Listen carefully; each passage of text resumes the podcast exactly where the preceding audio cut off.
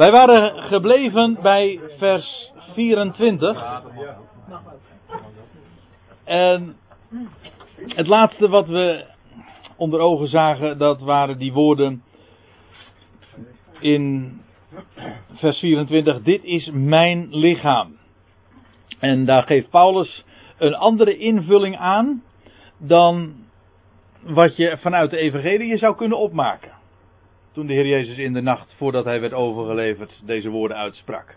Maar later is Paulus door de Heer zelf daarover ingelicht. En dat mijn lichaam, dat slaat dus op dat lichaam van Christus, de Ecclesia, waar u en ik van deel uit mogen maken door geloof. De, uh, nog eventjes uh, terug daarop komend.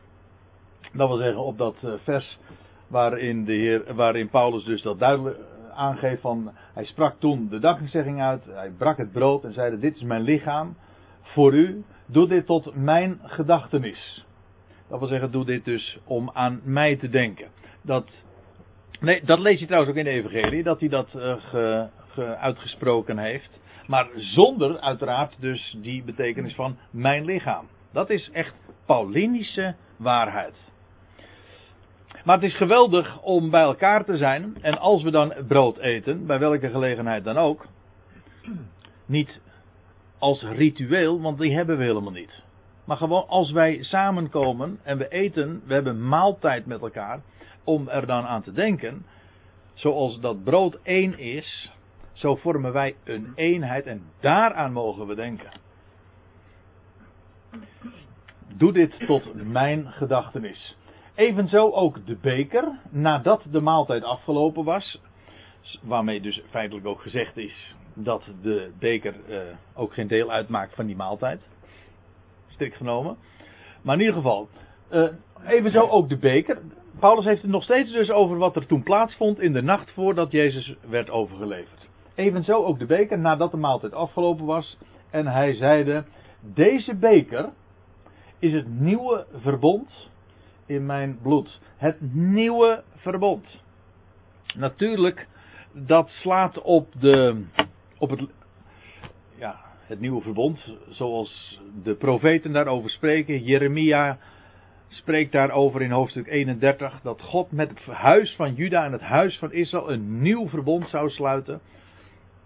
Met hetzelfde volk als waarmee hij een oud verbond heeft gesloten, zou hij een nieuw verbond sluiten. Waarbij er niets meer afhangt van de mens, maar uitsluitend van God. God geeft zijn belofte. God zegt dat bij dat nieuwe verbond zeven keer: Ik zal. En aan de mens wordt, van de mens wordt niets gevraagd, laat staan iets opgelegd.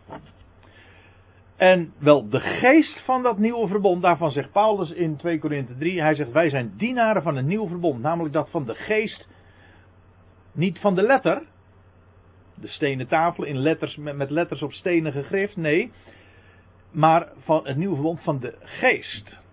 Want de letter doodt, maar de geest maakt levend. Wel, van dat nieuwe verbond, van de geest van dat nieuwe verbond, uh, wel, daar zijn wij dienaren van. Daar zegt, dat zegt Paulus daar. Begrijp me goed? Dat nieuwe verbond wordt met Israël gesloten, is niet met, met de kerk gesloten, dat is onzin. Staat nergens.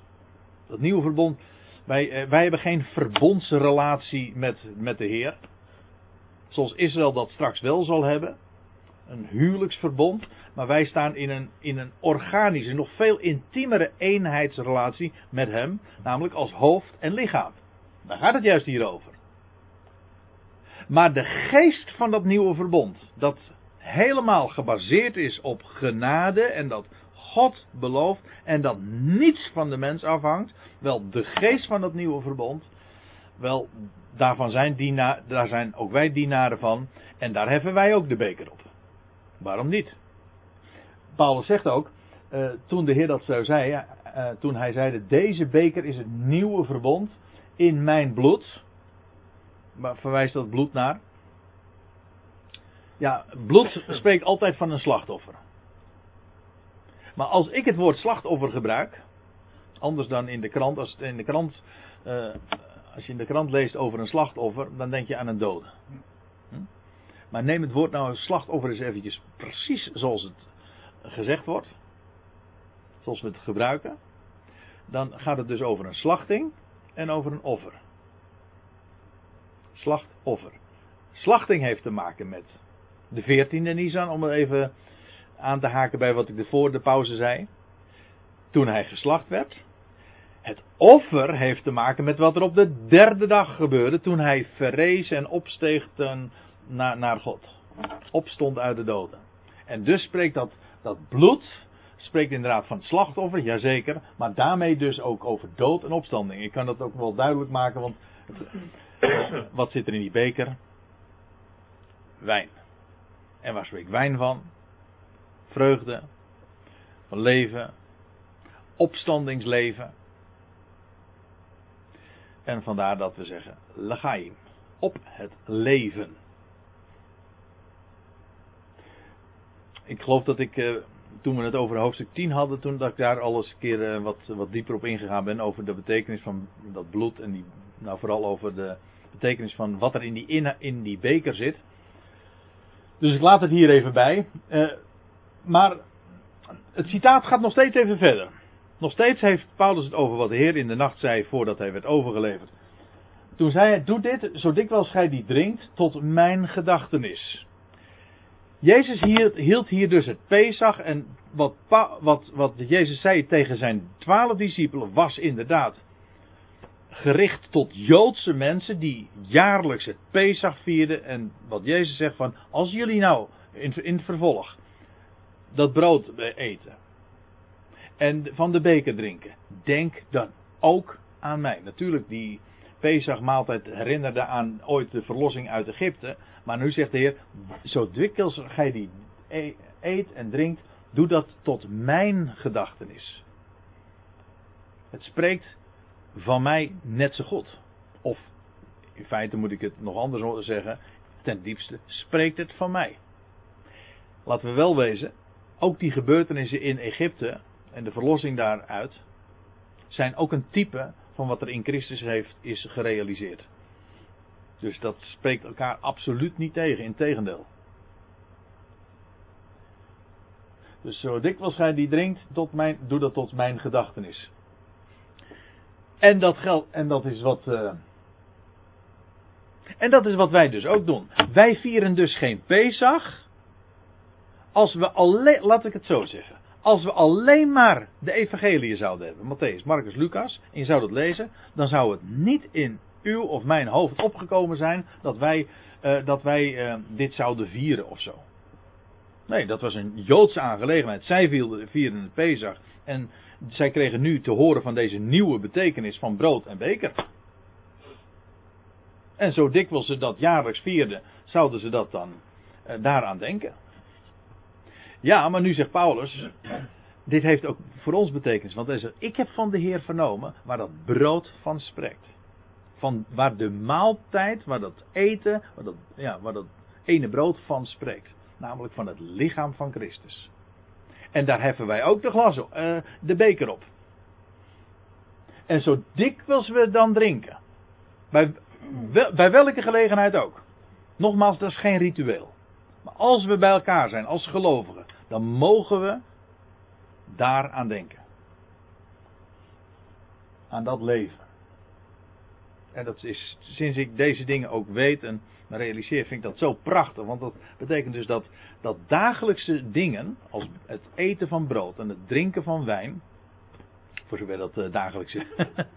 dat is altijd tricky natuurlijk om dat zo te zeggen. Maar ik heb er geen moeite mee hoor. Mits met mate natuurlijk. Nee, dit is water trouwens hoor. ja, ja. Er staat toch drinken weinig wijn omdat het hart zich verheugen. Nou, nou zit je twee teksten door elkaar te halen. Er staat een drinken weinig wijn, wordt, zegt Paulus tegen Timotheus, vanwege uw gedurige, zo staat in staat uw, vanwege uw gedurige ongesteldheden. Wat bij ons ook weer wat raar klinkt natuurlijk. Ja, vanwege uw, uh, ja Paulus, eh, vanwege uw maag. Uh, met zijn, en, uh, en omdat het hart zich verheugt met de vrouw die geliefd heeft, dat bedoel ik. nou zit je er nog een tekst bij te halen. Bij is dood. Ja, nou ja. Ja, Ja, ach, noemen ze dat geen contaminatie, dat je allerlei eh, uitdrukkingen door elkaar gegooid. Want inderdaad, eh, er staat van drink uw eh, wijn met een vrolijk hart. Eh, eet uw brood met vreugde, zegt, staat er in Pre- Prediker 9. Drink, eet uw brood met vreugde en u drinkt uw, eh, de wijn met een vrolijk hart. Zo staat het hier. Dat is waarschijnlijk een andere vertaling. Oh, dat zal het zijn. joh. Vreugde met de vrouwen die worden. Juist. Ja. Ja, ja, oké. Nou, ja, kijk. Maar dat is En heeft niks maken. Nou ja, het is soms dezelfde uitwerking hoor. Dat is weer een andere studie trouwens. Dronken in haar liefde, hè? Ja. Ja. Nou, Dit is erg verwarrend, ben ik bang voor degene die het later op het mp3'tje nog gaat terugbeluisteren. Maar ik ga het niet allemaal uitleggen nog. Nou ja, dan moeten we dus maar even je doorspoelen. hier komen. Ja, ja, dan moeten ze hier maar komen, ja.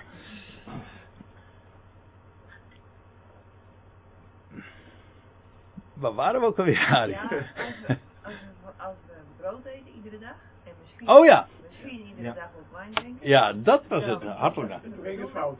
En toen ging het fout, ja. Toen, toen ik zei van elke dag wijn drinken, toen ging het fout.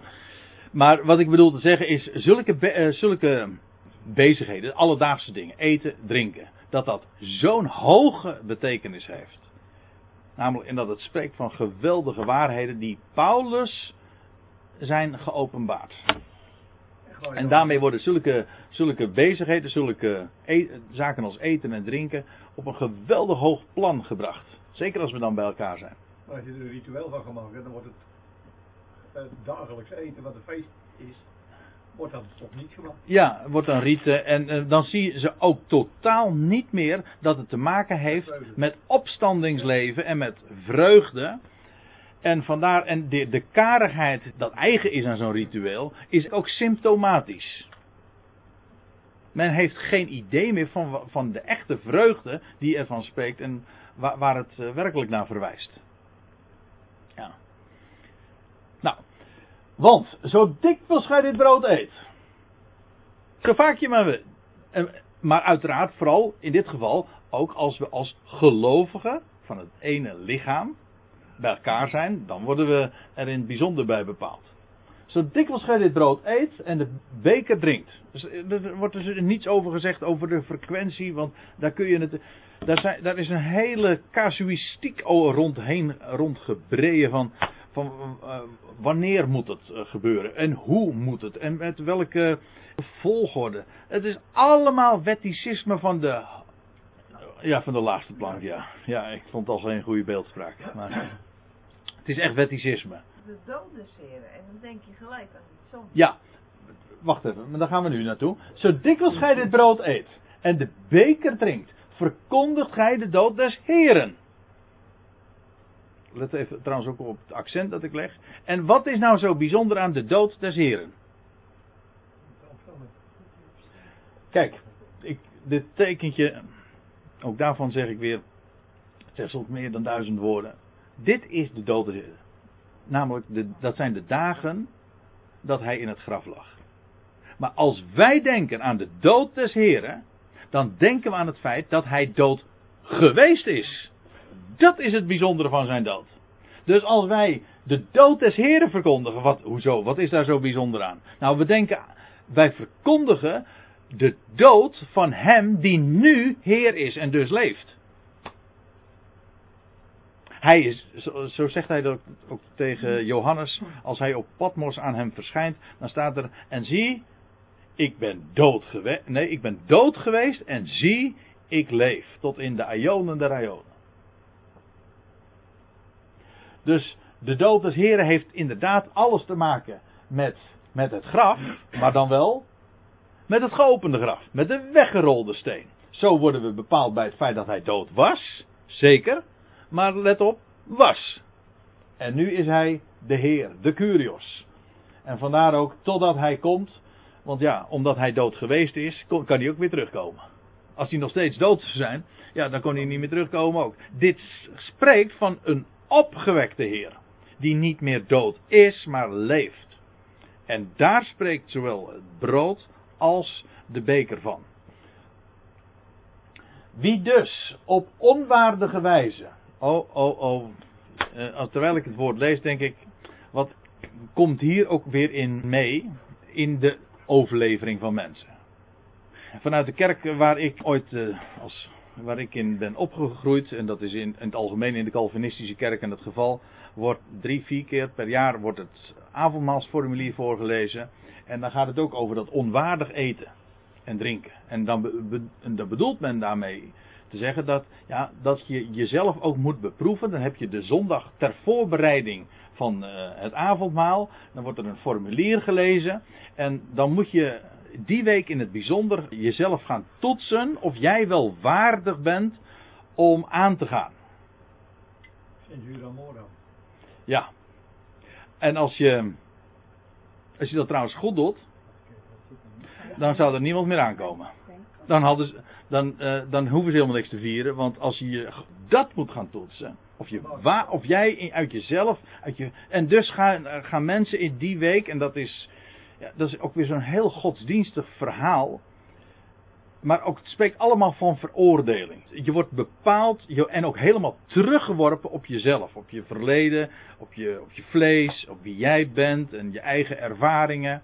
En, en bepaald, eh, zeker als je een bepaald eh, type persoonlijkheid bent, dan ga je daar gigantisch onder gebukt. En bij die gelegenheden, dat zijn de meest zwartgallige momenten in een christenleven. En dat zeg, het zijn niet mijn eigen woorden hoor. Dit zijn echt, dit zijn ervaringen van tallozen in ons, alleen al in ons lieve vaderlandje. Er wordt ook een week gehouden. Het is een week van voorbereiding. Ja, de we- de week van voorbereiding. En ook in het zwart lopen. En in het zwart. Ja, dat is allemaal symptomatisch.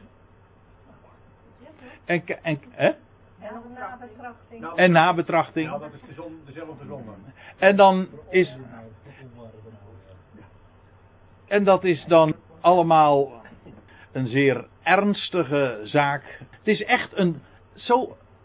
Dat is mijn, eh, in mijn herinnering. Als ik daar bij, bij zoiets ook was. En u, u zult het wellicht herkennen. Tenminste, als u diezelfde godsdienstige achtergrond hebt. Het is een begrafenismaaltijd. Echt een begrafenismaaltijd. En vreugde totaal niet. Maar als Paulus het dan heeft over onwaardig wijze eh, het brood eten, wat bedoelt hij dan? Als je het in dit, in, dit gedeelte leest. Je leest gewoon wat er staat. Dat is niet zo moeilijk. Wa- Waar Paulus het over heeft, is dat wat daar aan, aan de hand was. De een is hongerig en de andere die eh, was dronken. Dat is onwaardig eten en drinken. Heeft niks te maken bij jezelf te raden gaan of eh, jezelf eh, aan zelfreflectie doen in die zin dat je moet gaan speuren in je hart en in je verleden, zodat je jezelf leert te veroordelen. Het is, het is precies het tegenovergestelde van het evangelie. Want waar het dan op neerkomt is dat de mens zichzelf moet leren veroordelen. En ja, wat krijgen we nou te horen als je het evangelie kent? God is het die rechtvaardig. Wie zal veroordelen? Kijk, dat is waardig. Want dan word je daarbij bepaald.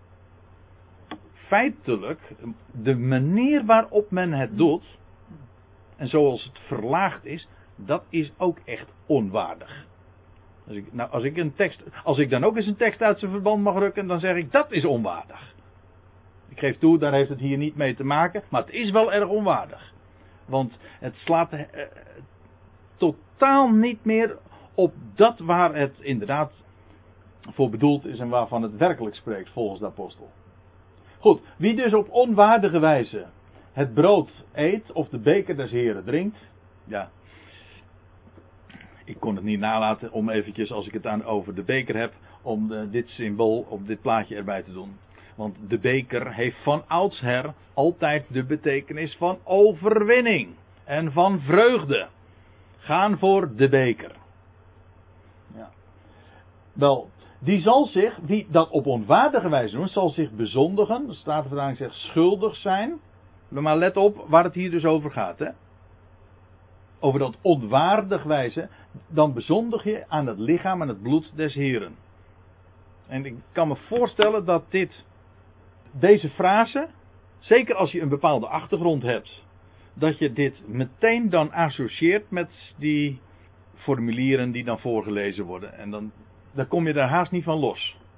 Bij een andere gelegenheid hebben we het ook al eens op gewezen. Dat er zijn van die tradities die zo verankerd zijn dan in je, in je, in je gedachten. Dat je ook altijd die dingen blijft associëren. Dat hadden die Corinthiërs trouwens ook al. Hè? Als ze dan eh, vlees aten, dan konden ze niet aan, aan, aan de gedachte ontkomen dat dat dus te maken had met afgoderij. Ja, dat zal je achtergrond maar zijn. Maar dat geldt voor, ook voor, voor u en mij. Als je een, een bepaalde religieuze achtergrond hebt. Dan kun je zulke woorden haast niet meer lezen. Zonder de gedachte aan wat men er altijd aan op heeft gehangen. Maar als je inderdaad de ander minacht. De, de Ecclesia minacht. Door de, dat de een eet dronken is en de ander die heeft niet eens genoeg. Is nog hongerig wel dan bezondig je aan het lichaam en het bloed van de Heer. Dat klopt. Dan heb je namelijk geen idee waar het werkelijk voor staat. Maar ieder beproeven zichzelf. Ja, waarom? Uiteraard zodat je wel waardig eet. En niet zoals die Corinthiërs eh, dat deden. En eet dan van dat brood en drinken uit de beker. Zo dus waardig. In overeenstemming met de betekenis dus jezelf de vraag stellend, begrijp ik werkelijk waar het over gaat? Want wie eet en drinkt, eet en drinkt tot zijn eigen oordeel. Zoals die Corinthiërs dat dus deden. En wat hij trouwens bedoelt met tot zijn eigen oordeel, dat zullen we straks in het volgende vers zien. Maar nu eerst nog eventjes dit andere vers zoals zij dat deden, dat was tot een eigen oordeel. En Paulus maakt ook haarscherp duidelijk wat hij daarmee bedoelt. Maar eerst nog even dit. Als wanneer namelijk? Als hij het lichaam niet onderscheidt. Wat is dat? Ja, dat lichaam. Kijk, dat brood sprak van het lichaam des Heer. Dat wil zeggen, de Ecclesia. Wel, de Ecclesia, die minachtte zij door hun onwaardige wijze van eten, hè, bij elkaar zijn. Ze hadden geen idee waar het werkelijk betrekking op had. Het was het niet onderscheiden van het lichaam wat daar aan de hand was. Het, het lichaam, het gaat hier uiteraard dus over het lichaam van de Heer. Ze hadden, het ging dus inderdaad over onderscheidingsvermogen. Weten waar, het, waar dat brood naar verwijst. En nou komt het. Dat vers 30, dat terugverwijst naar dat eigen oordeel. Die eet en drinkt tot zijn eigen oordeel. Waar doelt Paulus dan op? Wel, in wat hij dan schrijft in vers 30. Daarom, daarom zijn er onder u velen zwak en ziekelijk en ontslapen niet weinigen. Hoezo? Daarom. Wel, omdat ze het lichaam niet onderscheiden. Dit is de negatieve manier van zeggen. De positieve manier van zeggen is, als je het lichaam onderscheidt, dan zouden ze een veel grotere weerstand hebben. Waar het om gaat is dat Paulus duidelijk maakt, is dat het onderscheiden van het lichaam en weten waar brood en beker werkelijk van, van spreken, dat heeft een vitaliserend effect op het lichaam. Ik bedoel, ik bedoel zoals ik het zeg. Dus feitelijk, als hij zegt het lichaam onderscheiden, het lichaam van Christus, weten waar het over gaat, dat heeft een positief effect op ons fysieke lichaam. Dat kenden ze niet. En dus, net als in de wereld, waren er onder hen vele zwak en ziekelijk en er ontsliepen niet weinigen. Omdat ze de geneeskrachtige betekenis van het onderscheiden van het lichaam niet kenden. Wat hier dus gezegd wordt, wat Paulus hier veronderstelt, ik, ik kan het niet anders uh, lezen, is dat onderscheiden van het lichaam een gezondmakend effect heeft op het lichaam. Ik zou niet weten hoe ik dit anders moet lezen. En als je dat niet onderscheidt, wel, dan is dit het gevolg. Maar zo gek is dat niet. We lezen al, ik heb expres die verwijzingen al even gegeven. Trouwens, uh, Arie verwees zojuist al even naar prediker 9 vers 7. Met een paar andere teksten erbij. Hè? maar in prediker 9, vers 7, er staat wel aan dan, eet u brood. Nou, nou moet, zal ik, moet ik het even goed lezen hoor, want... Krijg ik zo nog gelijk. Hè? Krijg ik zo nog gelijk. Oh ja, dat zou me niet verbazen. De, de Bijbel heeft me wel vaker verrast. Welaan, dan eet uw brood met vreugde en drink uw wijn met een vrolijk hart. Het gaat me nou even niet om de context, maar het gaat me even om de specifieke frase zelf. Brood en wijn. Wel, als dat in de, voor prediker al zo eh, geldt, hoeveel te meer voor ons die met dat wat Paulus heeft meegedeeld. Om dat inderdaad met vreugde en met een vrolijk hart te doen. En dan dat andere, die andere tekst, ik heb helaas geen projectie daarvan, maar in Spreuken 17 vers 22, dat is ook een mooie. Een vrolijk hart bevordert de genezing. Of zoals de Statenvertaling zegt, een blij hart zal een medicijn goed maken. Verslagen geest doet het gebeente verdorren. Dus waarmee gezegd is dat het, de geest, het onderscheiden van dingen, een effect heeft op het lichaam. Ik geloof dus inderdaad, en dat is wat ik eh, hier lees, maar op wel meer plaatsen, dat als je, als je geestelijk, ja, ik, ik moet ook denken aan de tekst, hè? Een gezonde geest. In, in een gezond lichaam, ja, die connectie. Het is geen één op één relatie. Begrijp me goed.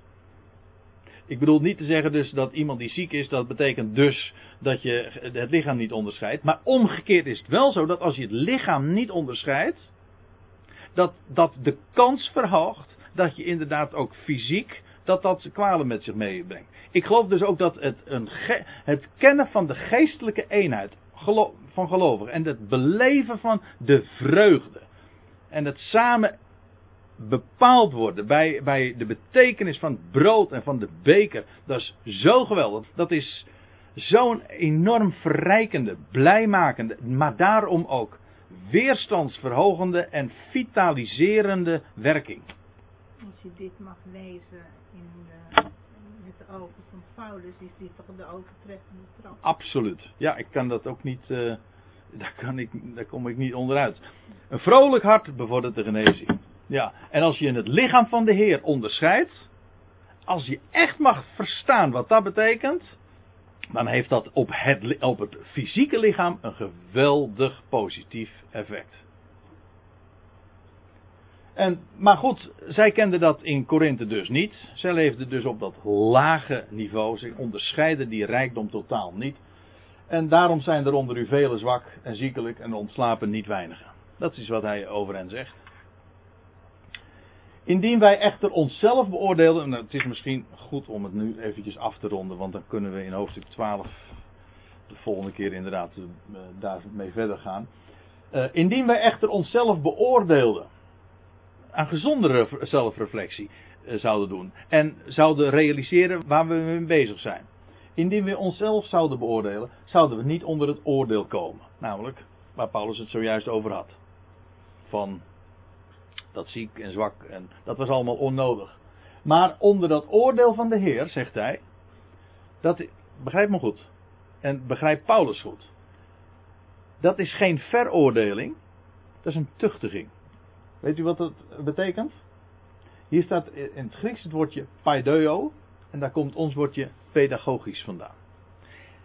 Dat is een oordeel des Heren, dat wil zeggen, het is een gericht, maar dat is puur pedagogisch als dat wat daar in Korinthe gebeurde. De Heer wilde hen daar ook iets, in iets duidelijk maken. Het was geen veroordeling, want de Heer maakt altijd onderscheid tussen de wereld en ons, die geloven. Hij zegt ook, maar onder dat oordeel van de Heer worden wij getuchtigd, dat wil zeggen opgevoed, opdat wij niet met de wereld zouden veroordeeld worden. God maakt een onderscheid tussen de Ecclesia en de wereld. Dat blijkt straks wel. Als de bazuin zal klinken. Wat doet hij dan? Wel, dan wordt de Ecclesia weg, weggenomen. En inderdaad, de, de wereld wacht veroordeling. Uiteraard is ook dat niet uh, het laatste woord. Maar het neemt niet weg. De wereld is veroordeeld. Maar wij worden opgevoed. Wat ons ook overkomt. Maar het is de opvoedende hand van hem. Daarom zegt Paulus, en dit is dat zijn afsluitende woorden. Daarom dan, mijn broeders, als gij samenkomt om te eten. Hier zie je opnieuw weer dat het geen ritueel is. Als gij samenkomt om te eten, wacht op elkaar. Heeft iemand honger?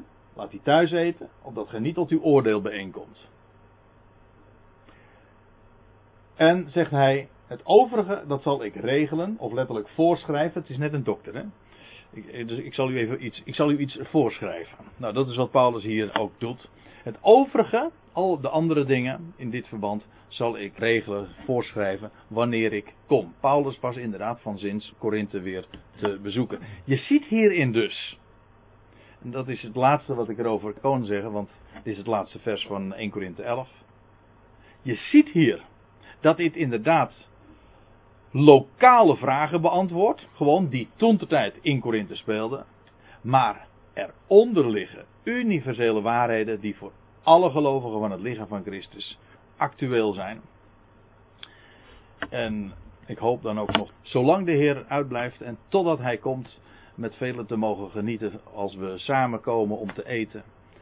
En om dan te bepaald te worden bij het lichaam, de eenheid, de gemeenschap die we mogen vormen en de beker mogen heffen. Want dat is een feest. Zullen we het hierbij laten?